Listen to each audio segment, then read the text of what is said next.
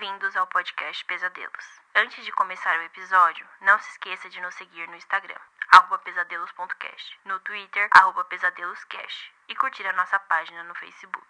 Caso queira contribuir para o crescimento do podcast, acesse apoia.c pesadelos. Aproveite o episódio e tenha bons pesadelos. Jazão e Medeia, adaptado por William Camargo.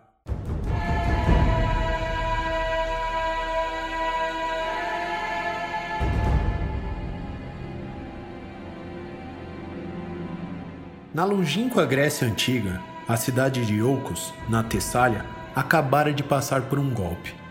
O antigo rei, Ezon, fora traído por seu irmão, perdendo a vida e o trono.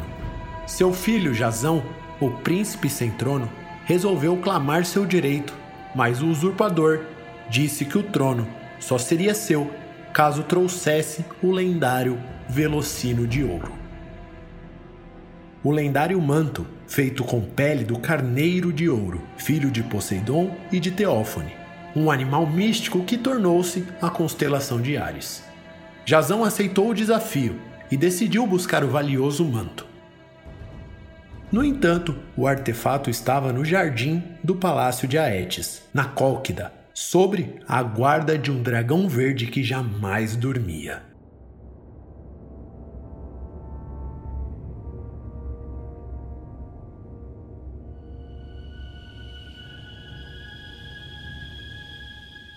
Jazão reuniu valentes heróis da Grécia Antiga: Hércules, Orfeu, a princesa Atalanta e até mesmo o príncipe Meléagro, e embarcou no Argos, o mais veloz e poderoso navio. Mas antes de partir, Jazão sacrificou três almas em nome da deusa Afrodite, pedindo proteção em sua viagem.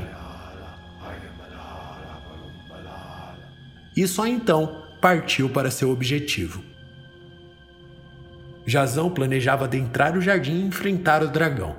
Mas ao chegar nos bosques de Aetes durante a noite, ouviu uma prece entoada em meio às árvores. O homem se aproximou e viu a princesa Medeia, filha do rei de Aetes, uma das mais poderosas feiticeiras do mundo antigo.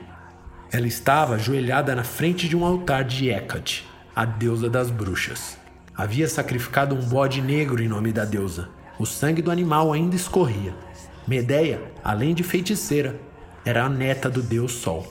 Jazão decidiu conversar com a princesa. Mas antes de se revelar, orou a Afrodite uma última vez. E quando Medeia viu Jazão, a deusa do amor fez com que a princesa se apaixonasse perdidamente. E ali, frente ao altar de Hécate, sobre o sangue ainda quente do animal, eles consumaram seu amor. Jazão pediu ajuda a Medeia para conseguir o velocino, e a princesa, perdidamente apaixonada, preparou uma poção, colocando o dragão verde em sono profundo. Assim, Jazão conseguiu o lendário manto dourado e a promessa de amor de Medeia, que decidiu largar tudo e voltar com ele para Iolcos. O navio Argos partiu ainda naquele dia e voltou até a cidade. Mas mesmo com o Velocino, Jazão não conseguiu o trono, pois o povo temia que o rei estivesse acompanhado de uma feiticeira. Jazão e Medeia foram viver em Corinto e tiveram dois filhos, Mérmeros e Feres.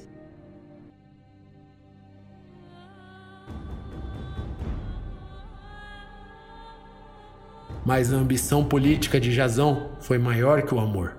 O rei Creonte ofereceu a mão de sua filha e uma posição de prestígio a Jazão, que aceitou e ordenou que Medeia fosse embora, renegando seus dois filhos. A feiticeira fingiu ter aceitado cordialmente. Mas antes de ir, fez um belo vestido de casamento para a nova mulher de Jazão. Mas uma seguidora de Hecate, a deusa das bruxas, jamais aceitaria tal humilhação. Medeia partiu sem dizer sequer uma palavra.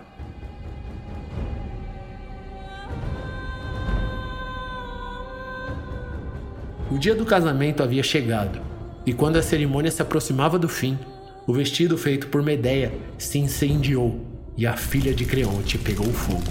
Sua carne foi consumida pelas chamas frente à cidade inteira. Seus gritos foram ouvidos do Olimpo aos campos de Asfóderos. Jazão correu com sua espada desembainhada para onde Medeia morava. Mas ao chegar, se deparou com a feiticeira banhada em sangue e demorou alguns segundos para perceber que aquele sangue era de seus dois filhos.